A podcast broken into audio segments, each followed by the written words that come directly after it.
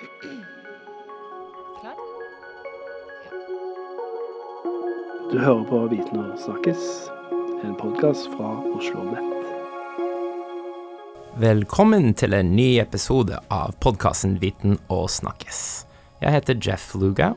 Jeg jobber i, i avdelingen for kommunikasjon og samfunnskontakt ved Oslo Met. Og med meg i studio i dag så har jeg Jørn Holm Hansen, som er forsker ved NIBR, by- og regionsforskningsinstituttet her ved Oslo Met. Velkommen, Jørn. Tusen takk. Eh, Dette er ikke første gang du er med oss i studio, men eh, det er en stund siden sist. Ja, det er det. Men alltid hyggelig å være her. Og i dag skal vi snakke om et land som uh, er ganske mye i, i mediesøkelyset for tiden, uh, og det er altså Polen. Hva er det du kan om Polen, uh, Jørn? Eh, ja, det var et veldig godt spørsmål. Jeg tror jeg kan en god del eh, om Polen, men jeg er jo statsviter.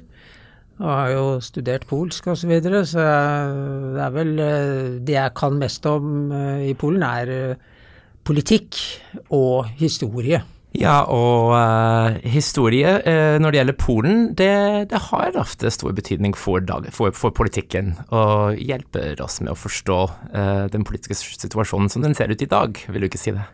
Jo, det vil jeg si. At man forstår Polen bare hvis man kjenner litt til historien. Men samtidig så er dette med historie i Polen også problematisk, fordi at det blir jo brukt veldig aktivt av eh, særlig av de nasjonalkonservative, de som styrer Polen nå.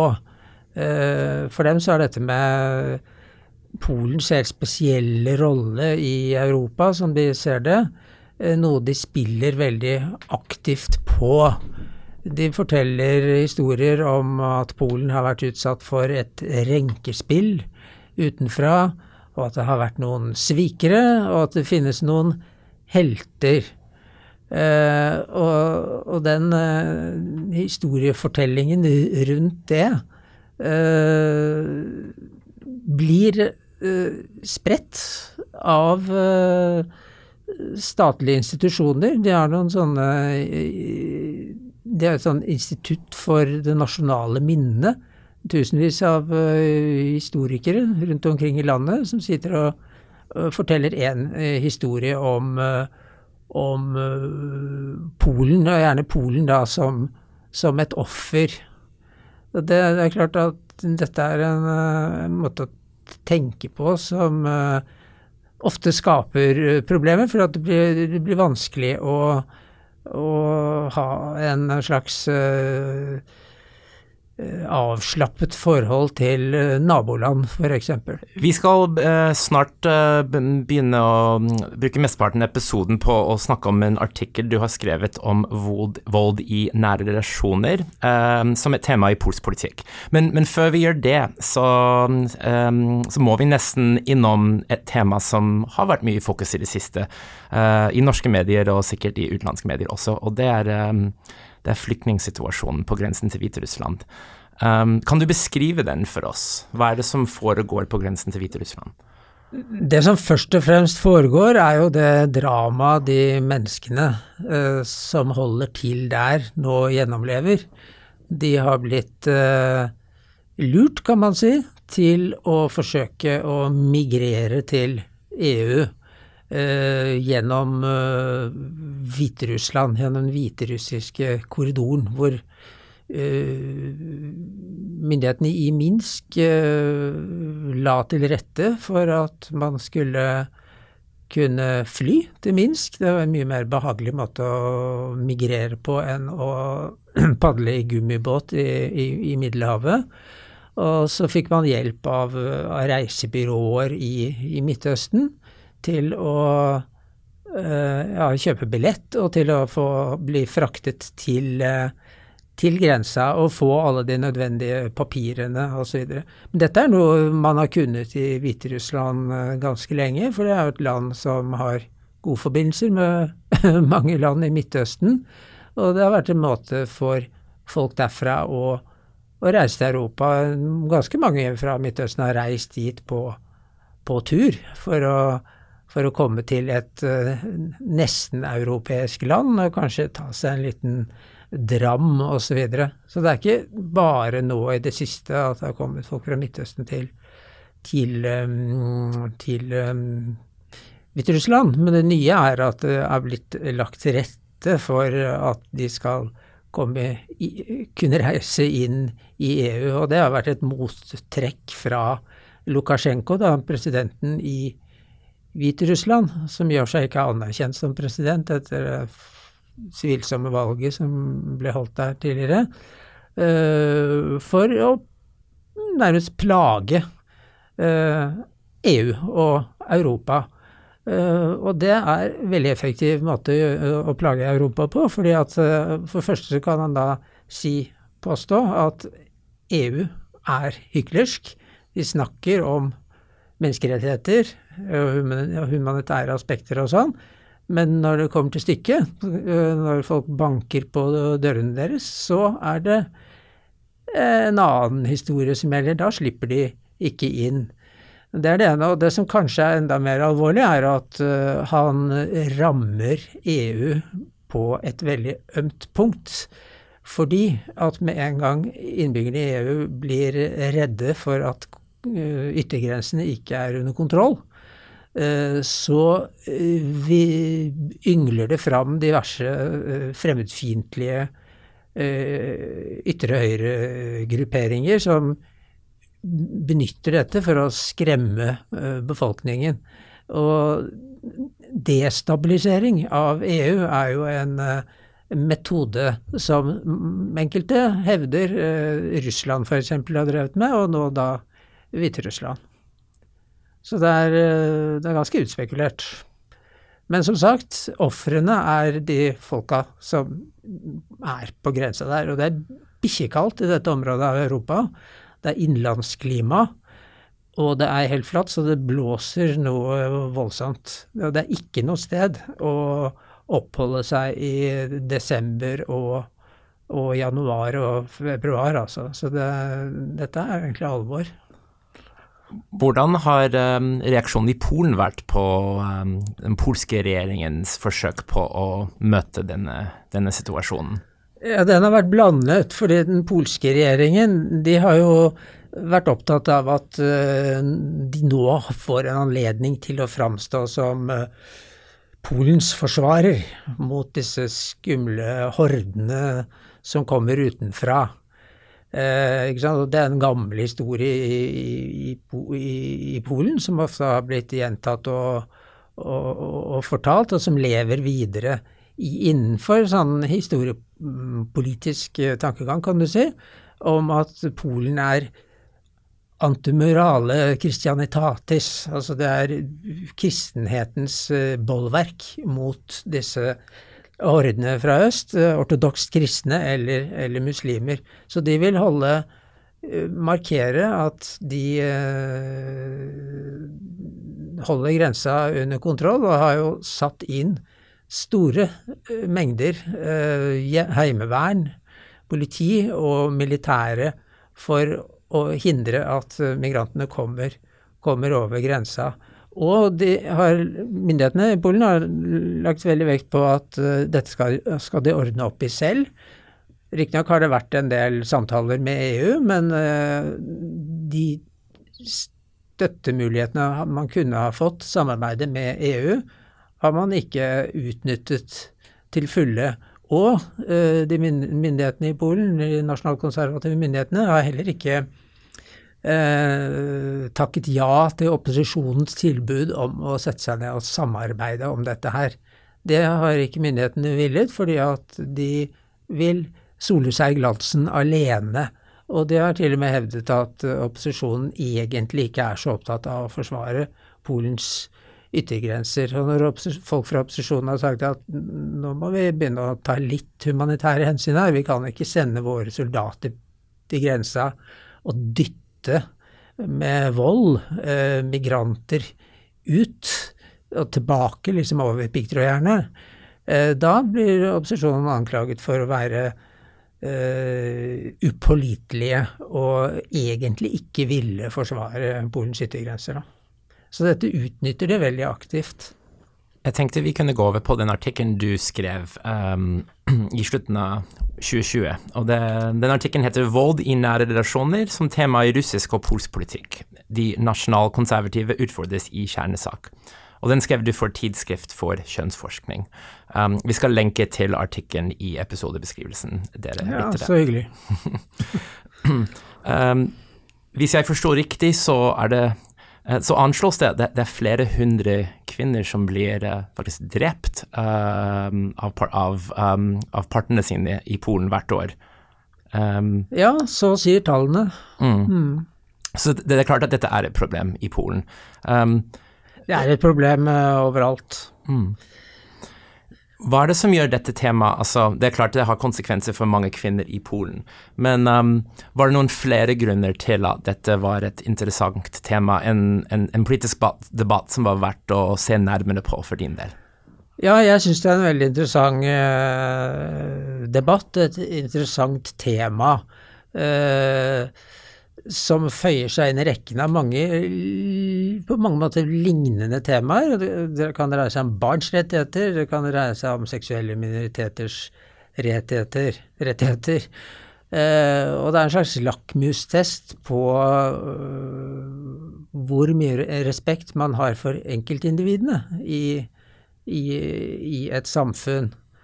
Eh, og i det polske tilfellet, og mange andre lands tilfeller, kanskje de aller fleste land, så er det jo eh, politiske krefter som eh, tenker at eh, befolkningen primært er et slags sånn organisk fellesskap. Ikke, man er ikke primært individ.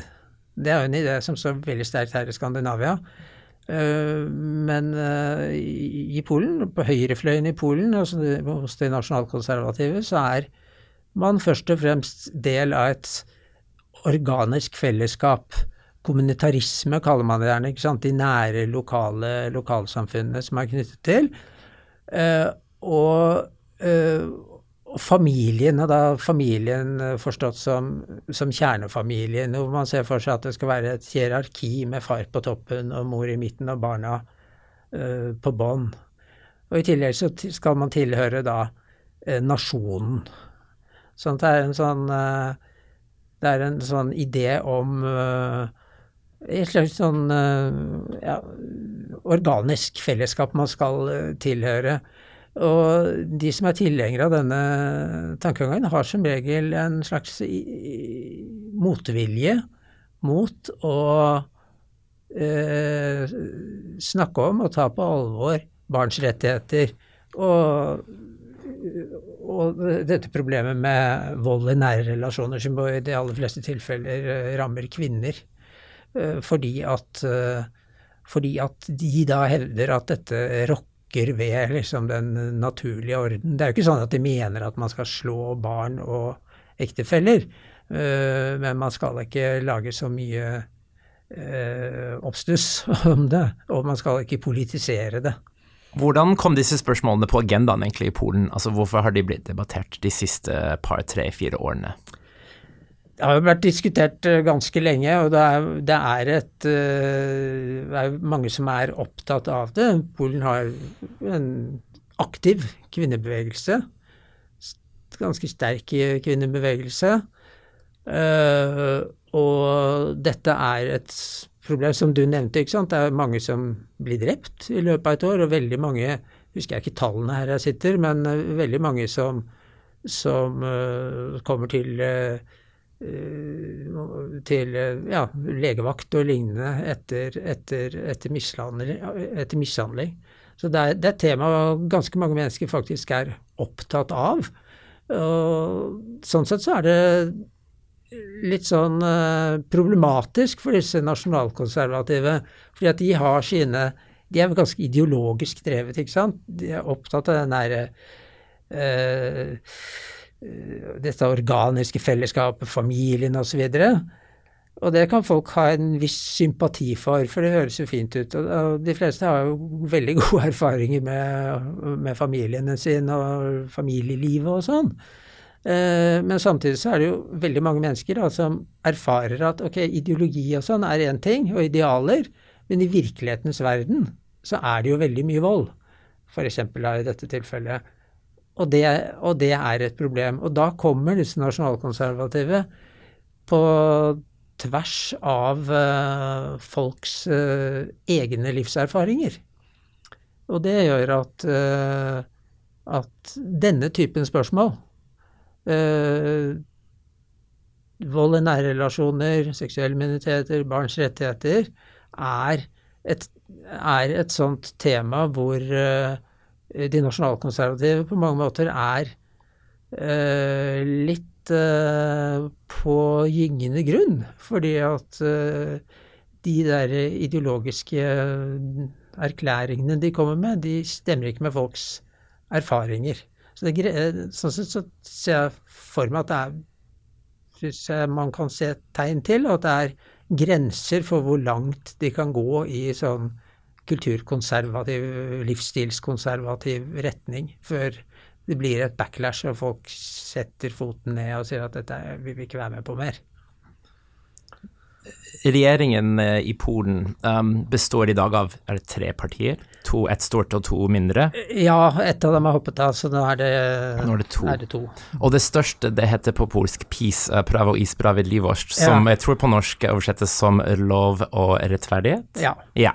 Jeg ville foretrekke å kalle det rett og rettferdighet, men uh, Rett og rettferdighet. Skal ikke krangle. Um, men, kan, kan, vi, kan, vi, se litt nærmere på, på det partiet? Altså, nå har du, nå har du um, um, snakka om de nasjonalkonservative i polsk politikk.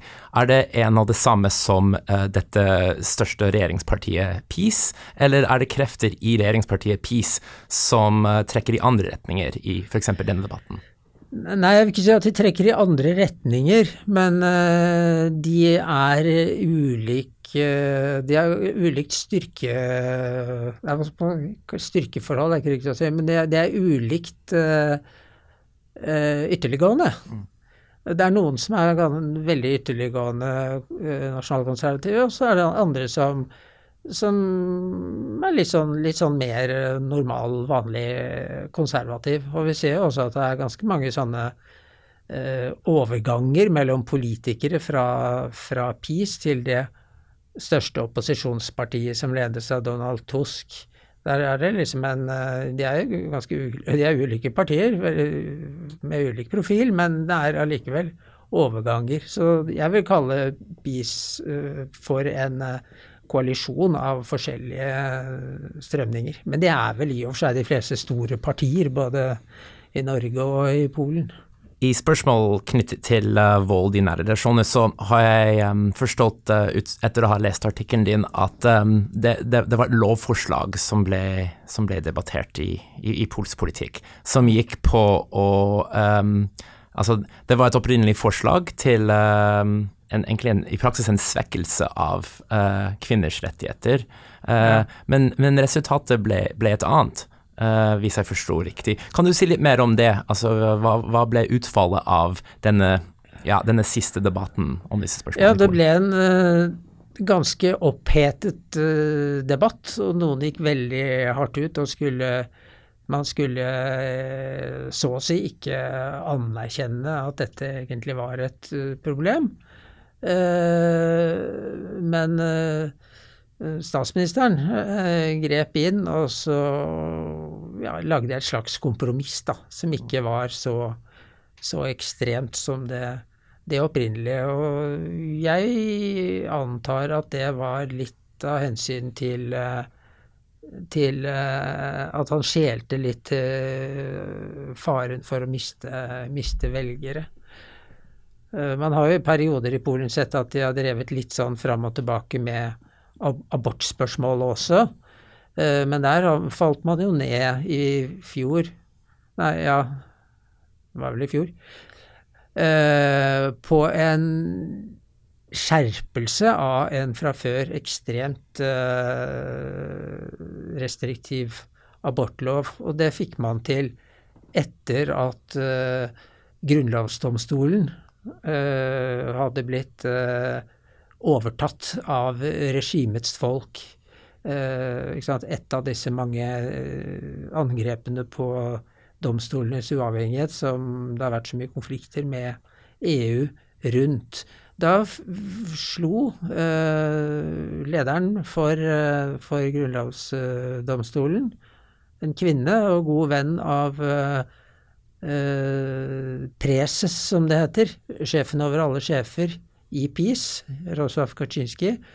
Denne kvinnen som er hans gode venn, har da denne rollen som, som leder for grunnlovsdomstolen, slo fast at Eh, loven at, Sånn som loven ble praktisert, så var det for liberalt. Så den ble strammet ytterligere inn. Og nå, for noen måneder siden, så kom det en skandale i Polen, altså en tragedie, vil jeg si. Uh, en som het uh, En dame som het Isabella, som måtte ligge på fødestue lenge med et barn som eh, et foster som eh, man visste kom til å dø. Spørsmålet var om eh, barnet kom til å dø før fødsel eller i, i morens liv. Eh, og det skulle da dette barnet, og alle andre barn i Polen, ifølge sånn som denne loven praktiseres nå, gjøre med risiko for både for morens liv, fordi det er så viktig at barnet skal eh, bli døpt. Det skal døpes, eh, koste hva det koste vil. I dette tilfellet så døde moren og barnet. Eh, det, det, er, men det er klart, da var det voldsomme protester i Polen. For dette er en måte å, å håndtere dette eh, problemet på som ikke ikke er i tråd med polakkers uh, rettsoppfatning. For det kom en meningsmåling rett etter denne tragedien hvor eh, 67% var uenige i denne dommen. Altså denne skjerpingen av, av loven. Og hvis man ser på meningsmålinger, det kommer sånne systematiske meningsmålinger år etter år, så ser man at folk blir mer og mer liberale i sånne spørsmål. Og i dette spørsmålet om, om abort, så var det ikke sånn at det var bare folk i byene som var imot denne skjerpingen. Også på bygda var det et klart flertall mot, uh, mot denne veldig restriktive uh, abortlovgivningen. Men som var litt interessant, som man ser i veldig mange andre sånne undersøkelser i Polen, er at kvinnene er mye mer konservative enn mennene. At mennene er mye mer uh, abort, er tydelig mer abortliberale enn en kvinnene. Uh, men hvis vi snakker om det der med sånne, sånne holdninger og hvordan de endrer seg i Polen, mm. Eh, så kan man se på eh, seksuelle minoriteter. Eh, homoseksuelles rettigheter. Så var det Homoseksualitet var et fenomen som folk ikke hevdet i hvert fall at de ikke kjente til. hvis vi går tilbake til 2000, år 2001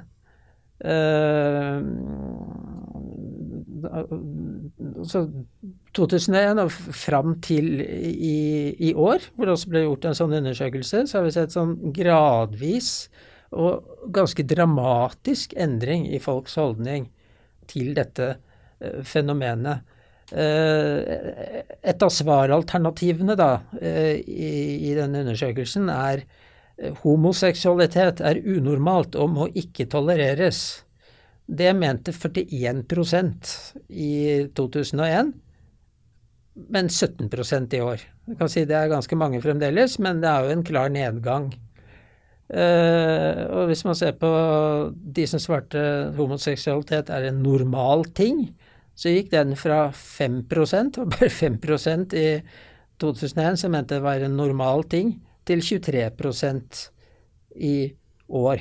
Og halvparten av alle nå uh, sier at uh, ok, det er et, et, avvik fra normen, det å være homoseksuell, men det må tolereres.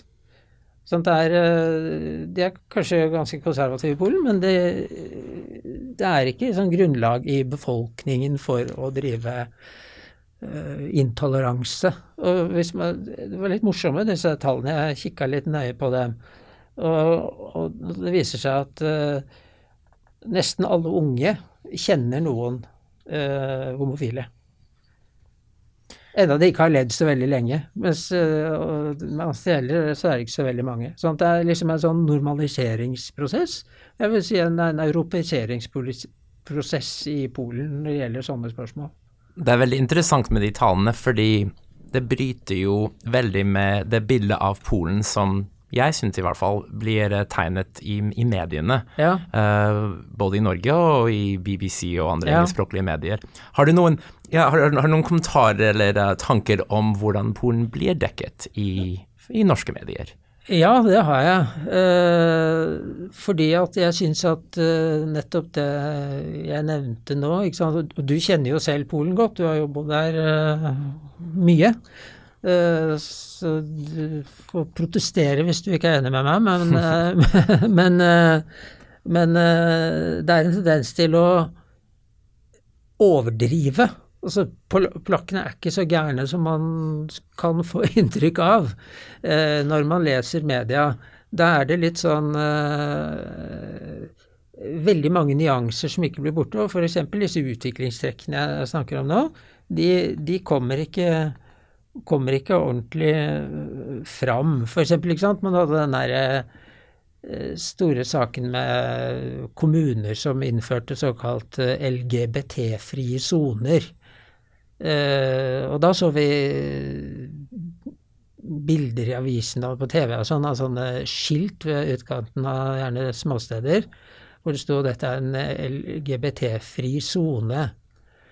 Men eh, det var ikke kommunene som hadde hengt opp det, det var LGBT-aktivistene som hadde gjort det som en protest for å vise hvor eh, ille det var at myndighetene i disse kommunene hadde innført såkalte familiechartere som slo fast at, eh, at eh, ekteskap var mellom mann og kvinne, og, og, og seksualitet skulle foregå mellom mann og kvinne, og, og den typen ting. Eh, men det var, det var jo ikke sånn at eh, myndighetene hadde sagt at eh, man ikke skulle kunne tilhøre en seksuell minoritet, eller at det skulle være forbudt.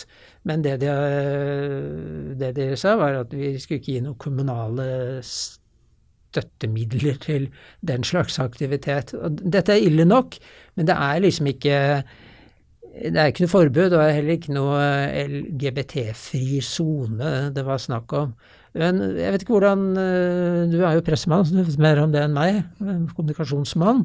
Men eh, hvordan egentlig sånn eh, eh, journalistikk fungerer eh, i sånne sammenhenger? Er det sånn at man eh, driver underholdning og skal eh, fortelle om eh, eh, hvor ille ting er, uten helt å sjekke det. Og jo illere man klarer, verre man klarer å framstille det, jo morsommere blir det for leserne å, å høre om det. Eh, jeg syns i hvert fall mange av disse eksemplene her fra Polen eh, tyder litt på det. Det blir, litt, det blir veldig overfladisk, da. Ja, og, og forenklet eh, kan jeg legge til, Ja. og, og, så, og så tar man ikke med eh, eksempler som ville komplisert bildet man har av eh, et bestemt land. som Nei, Polen, for eksempel disse LGBT-frie sonene, da, så var det by etter by hengte de opp, og da var det kommunen som gjorde det, hengte opp skilt at dette er en LGBT-vennlig by. Velkommen hit, alle sammen. Eh, Det kom ikke så tydelig fram. Og på de stedene bodde det jo mange flere mennesker enn på disse små ravnekrokene som hadde sånne nasjonalkonservative kommunestyrer. Men en, en, en siste ting jeg kan legge til, er eh, alle pride-arrangementene som har eh, blitt arrangert eh, over hele Polen, og, og hvor det har vært en skikkelig økning i antall arrangementer, og hvor mange som deltar på dem. Og, det, og da snakker vi en, eh, flere titalls polske byer, både større og mindre. Eh, Og det leser man ikke så mye om i våre medier. Nei, men det vi hører om, og det er veldig positivt, det er når det er eh, angrep på abortloven og en del sånne ting knyttet til kvinners rettigheter, for da er den polske kvinnebevegelsen og deres mange allierte både kvinner og menn, uh, ute i gatene og demonstrerer. Og gitt tydelig uh, tilbakemelding om at uh, kvinners rettigheter må tas på, på alvor, da. Vi går mot slutten av denne episoden, men vi, vi rekker et siste spørsmål. Uh, hvor vi, vi, prøver å heve blikket enda, enda litt mer, uh, og se framover. Um, det, er, det, er, parlamentvalg i Polen om, om to år, i 2023. Ja. og så er det presidentvalg i 2025, så det er ganske lenge til. Um, både når det gjelder disse valgene, men også generelt. Hva, hvordan ser du på Polens framtid og utvikling? Er du bekymra? Er du forsiktig optimist? Ingen av delene? Ja, eh, eh, Henrik Wergeland oversatte jo den polske nasjonalsangen til norsk. Eh, NR Polen er i graven, vi jo ånde drage. Og jeg er evig optimist når det gjelder eh, Polen, og i og for seg ganske mange andre ting. Uh, og jeg tror at uh, ja, Ta utgangspunkt i de tingene jeg nevnte i stad, med sånne holdningsendringer. Tunge trender i folks oppfatning av hvordan ting bør være. Uh, så tror jeg at Polen kommer til å bli mer Mindre nasjonalkonservativt framover. Vi må huske på at disse siste valgene så har ok, de nasjonalkonservative har vunnet. Men uh, venstresiden og de mer liberalt orienterte konservative, de har, har, jo nesten vunnet. Det er jo nesten sånn 50, har jo vært 50-50, sånn at det skal ikke så mye til for å bikke, bikke det, da. Og Polen går jo som land i og for seg ikke så dårlig. De fleste vet ikke det at Polen er et et innvandringsland av dimensjoner. Én uh, av fire uh, arbeidsmigranter som kom til EU fra utenfor EU i fjor, havnet i Polen. Én av fire uh, havnet i Polen. Altså, Var det, det ukrainere og eventuelt hviterussere? Stort sett uh, ukrainere mm. med nokså nedkjørt økonomi, og en del hviterussere og noen russere. Uh, og faktisk også en del tyskere, men det er gjerne fagfolk. Og en økende andel indere, som også er, er fagfolk, da. Og det er et bilde av Polen som vi kanskje ikke helt uh, ser for oss at det er faktisk et attraktivt land å dra til og, og jobbe. I hvert fall hvis du kommer fra Ukraina. Nei, der på tampen så lærte jeg også noe nytt. uh, Jørn, tusen takk for at du tok deg tiden. Det var, ble en veldig innholdsrik og interessant samtale om Polen. Tusen takk for at jeg fikk komme. Og takk til dere lyttere som fulgte med i dag. Uh, vi er snart tilbake med en ny episode. Takk for oss.